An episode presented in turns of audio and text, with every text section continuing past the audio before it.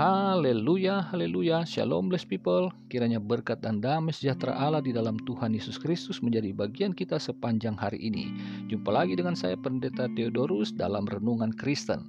Hari ini kita akan membahas tentang doa Bapa kami bagian yang keempat. Firman Tuhan kita akan baca dari Injil Matius pasal 6 ayat 13. Begini firman Tuhan. Dan janganlah membawa kami ke dalam pencobaan, tetapi lepaskanlah kami dari yang jahat. Doa sebagai penutup dari doa Bapa kami adalah sebuah permohonan karena kita tahu bahwa sebagai orang percaya pencobaan bisa datang kapan saja dan kita bisa masuk di dalam hal-hal yang jahat. Tetapi kita harus ingat bahwa doa ini satu kesatuan. Dua kalimat ini tidak boleh dipisahkan. Untuk itu, saya akan menyampaikan sebuah renungan singkat dengan tiga poin dari ayat ini. Poin yang pertama, kita dapat melihat bahwa satu sisi Allah sebagai subjek yang membawa kita untuk diuji, sisi lainnya iblis sebagai subjek untuk mencobai kita dengan maksud menjatuhkan. Karena ayat itu membingungkan. Selama ini kita tahu bahwa Surat Yakobus mengatakan Allah tidak pernah mencobai manusia. Itu sebabnya saya katakan bahwa ayat ini sebetulnya menunjukkan dua sisi. Jadi sisi yang pertama Allah sebagai subjek yang membawa kita untuk diuji. Jadi pencobaan di sini bermaksud ujian untuk meningkatkan keimanan kita. Tetapi di satu sisi yang lain iblis sebagai subjek yang mencobai kita dengan maksud untuk menjatuhkan kita dan menjauhkan kita dari Allah. Jadi di sini kita lihat motif yang berbeda. Allah menguji, iblis mencobai. Allah membangun, iblis menjatuhkan. Dapat dipahami ya. Nah, contoh yang paling sederhana yang sering kita baca adalah tentang kisahnya Ayub di dalam Ayub pasal 1 dan pasal 2 itu di perjanjian lama. Di perjanjian baru, Yesus sendiri sebelum dia berkhotbah di bukit ini, ia sendiri telah dicobai oleh iblis. Tapi dari pihak Allah dikatakan roh yang membawa Yesus ke padang gurun.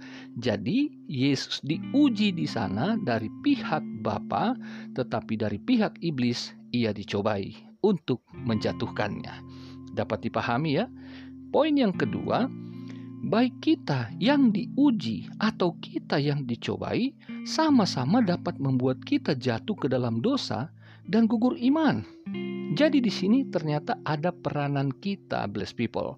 Jadi kita yang diuji oleh Allah, kita dapat serong, kita dapat menyimpang dari jalan Allah, dari maksud dan tujuan Tuhan. Ingat, ketika Adam di dalam Taman Eden, Adam diuji. Pohon yang lain boleh dimakan buahnya, tetapi pohon yang satu tidak boleh dimakan buahnya. Allah bukan mencobai, tetapi Allah menguji. Iblis kemudian mencobai manusia melalui Hawa, dan yang terjadi adalah manusia jatuh ke dalam dosa. Jadi, ini membuktikan bahwa Allah memberikan kepada kita kehendak bebas untuk dapat memilih, dapat menimbang, dapat memutuskan, dan kemudian kita dapat mengambil tindakan. Poin yang ketiga, kita membutuhkan pertolongan dan penyertaan Allah agar terlepas dari hal-hal yang jahat. Nah, jadi ketika poin yang kedua kita pahami bahwa kita bisa jatuh ke dalam dosa, itu sebabnya Yesus mengajarkan doa ini. Lepaskanlah kami dari yang jahat. Artinya, kita sadar kita tidak mampu untuk melepaskan godaan dan dengan kekuatan kita dari kemampuan diri sendiri tidak akan sanggup kita menolak itu. Itu sebabnya manusia harus berpegang pada firman Allah apa yang Tuhan katakan mengenai yang baik dan yang jahat. apa yang boleh, apa yang tidak boleh, apa yang kudus, apa yang tidak kudus. Itu semua di hadapan kita tergantung kita untuk memilih dengan mengandalkan kekuatan firman Allah ataukah kekuatan berpikir kita sendiri yang diprovokasi oleh kuasa iblis. Dengan demikian, blessed people, pencobaan yang jahat itu datangnya dari iblis tetapi harus seizin Allah. Ingat Ayub, ketika ia hendak dicobai, ia harus memohon izin dulu kepada Tuhan. Dan ketika Tuhan mengizinkannya, barulah iblis boleh mencobai Ayub. Tapi ingat dari pihak Allah itu untuk menguji iman Ayub dan Ayub berhasil. Demikian juga dengan Yesus Kristus.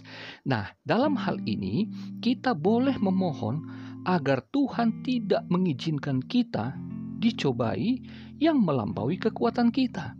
Jadi ketika kita memohon itu bukan berarti kita menolak untuk diuji, ya, tetapi kita mau menerima asalkan Tuhan menyertai, Tuhan menolong agar kita terbebas dari yang jahat.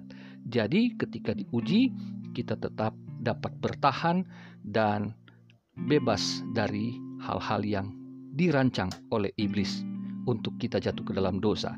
Nah, sebagai penutup dalam 1 Korintus pasal yang ke-10 ayat 13 dikatakan, Pencobaan-pencobaan yang kamu alami ialah pencobaan-pencobaan biasa yang tidak melebihi kekuatan manusia. Sebab Allah setia dan karena itu ia tidak akan membiarkan kamu dicobai melampaui kekuatanmu. Pada waktu kamu dicobai, ia akan memberikan kepadamu jalan keluar sehingga kamu dapat menanggungnya. Tuhan Yesus memberkati blessed people. Sampai jumpa lagi. Haleluya.